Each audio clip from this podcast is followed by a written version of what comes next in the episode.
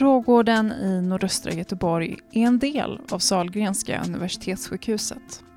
Här bedrivs rättspsykiatrisk vård med både akut och rehabiliterande verksamhet men också rättspsykiatrisk öppenvård. I det här avsnittet av Sahlgrenska podden får vi följa med till akutenheterna och höra mer om hur det är att jobba här, både under dag och nattetid. Medverkande är Hanna Solin, sjuksköterska och Marie Karlsson, nattskötare. Och det är Marie som vi hör först i avsnittet. Intervjuar gör Karin Eurenius. Vi tar emot de patienterna som är dömda och som lider av en allvarlig psykisk sjukdom och har genomgått en rättspsykiatrisk undersökning. Det kan vara så att man, man har varit sjuk många, många år och, och man har tillhört den, den vanliga psyk psykiatrin som finns här i Göteborg. Eh, och sen har, har, man begått ett brott under en allvarlig sjuk, psykisk sjukdom. Och då hamnar man här. Jag heter Marie Karlsson och jag jobbar som skötare på, eh, på natten på akutenhet 4. Och Hanna Solin heter jag. Jag jobbar som sjuksköterska på akutenheten. Vi tar ju också emot eh, alltså, kriminalvårdens patienter från till exempel arresten, häkte, anstalt. Det kan ju vara att de blir för, psykiskt försämrade och behöver eh, sluta, alltså dygnsvård. Eh, och då har de platser som de kan placera sina eh, klienter på hos oss då när ni liksom kommer till jobbet, hur börjar ett arbetspass för er då? Eh, det första som händer när man kommer, oavsett vilket pass du går på, om du går på dag, kväll eller natt, så är det att man får rapport då av sjuksköterskan som lämnar över både till sjuksköterskan och även skötare. Eh, det första jag gör efter rapporten är att jag går in och förbereder de medicinerna som ska delas ut eh, klockan åtta. Man går ju igenom också alltså dagår, vad som händer för dagen. Om det är någon patient som ska på någon behandling, om det är någon som ska till, eh, uh, skrivas ut eller kommer till avdelningen. Eh, man tar, om det finns ordinerade blodprover, så tar man dem oftast på morgonen, om det inte är några akuta prover. Eh, och sen klockan nio varje dag så är det rond med vår överläkare. Då. Min största roll på, på, natten det är ju att patienterna, att jag ska försöka få så att patienterna ska sova så att det blir en lugn och trygg och säker miljö för, patienterna. Eh, och det är, ju samtal, eh, eh, kontakt med boende, kontakt per telefon med patienter som ringer, kontakt med sköterskan som, som kopplar, eh, ta emot patienter som kommer akut på natten eh, via psykmottagningen på Östra. Ja, gå runt nattetid till patienten och se så att de sover. Och, och det är inte alltid att de gör det utan då stannar man en stund och pratar. Vad är det de kan vilja prata om på natten? Allt möjligt, allt möjligt. Om tiden som kommer vara här. Eh, att de vill prata med en kurator, eh, de pratar om sin ekonomi, de vill prata med, med läkaren. Ja, det finns ju mycket som finns i, i deras huvud. Hur är det att få, få hjälpa människor i den situationen? Det är viktigt att, att, man, att man kan se från ett läge när patienten är orolig och att patienten blir lugnare och kan sova. Och har patienten sovit under natten så vet jag ju med mig att jag har gjort ett bra arbete. Ja.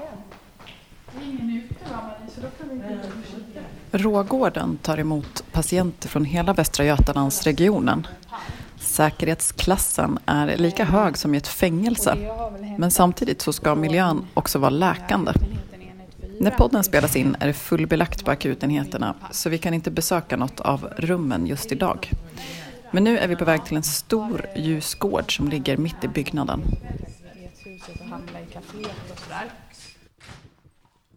Eh, just nu befinner vi oss på Inre Park, som vi kallar det. Eh, det är vår egentligen, vad ska man säga, stora rastgård. En stor rastgård som är stor som en fotbollsplan. Det är väldigt grönt och fint, främst på sommaren då. Eh, det finns möjlighet till aktiviteter, boll bland annat, man kan spela basket. Det finns möjlighet att delta i aktiviteter kring ja, vad ska vi säga, trädgårdsarbete, vi har växthus, eh, man kan eh, jobba med odlingar. Hur går det till liksom, när man går ut hit? Eh, ni pratar lite om att man får vara en i taget på vissa gårdar och sådär. Hur funkar det rent praktiskt? Hit får man ju gå tillsammans med, med personal. Antingen går man själv med en personal eller också går man flera patienter med två personal beroende på vad, vad läkaren har, har bedömt. Man gör en riskbedömning på patienten. Eh, de ska ju vara stabila för att kunna vistas eh, här ute. Men det är som sagt alltid personal med. Ni möter ju patienter i ert jobb som har begått grova brott. Hur är det för er? Ja, jag tror inte jag tänker på det så ofta utan det finns i, i, i bakhuvudet. Man, man, man har ju jobbat med, med detta så länge så säkerheten eh, fin, finns i, i ryggraden. Jag, jag bemöter nog den patienten som, som vem som helst. Ja. Det kan alltid, alltså jag tänker att det kan vara bra att känna till vilket, patient, eller vilket brott som patienten har begått. Vi känner till det, men man jobbar med, alltså man ser och jobbar eh, med människan. Eh, vi är ju här för, för, eller vi är här för att behandla patientens psykiska mående och det är oavsett vilket brott de har begått. Kan ni beskriva lite ur patientens perspektiv hur det ser ut, vad man liksom möter när man kommer hit till Rågården? Ja, det är ju en sjukhusmiljö. Eh, och man, många kanske tror att det är mer som en häk, ett häkte eller en anstalt. Men det är en sjukhusmiljö vi jobbar i. Och det är viktigt eh, att få patienten att känna sig eh, sedd och att behov uppmärksammas. Att man känner sig delaktig när man kommer hit i vården. Mm. Och vad gör man rent medicinskt? Liksom? Det man gör när patienten kommer in, först och främst man tar hand om patientens tillhörigheter. Patienter får byta om. De får blåsa i alkometer. Eh, man får lämna eh, eh, drogtest också i form av antingen eh, salivprov eller urinprov. Det har vi som rutin.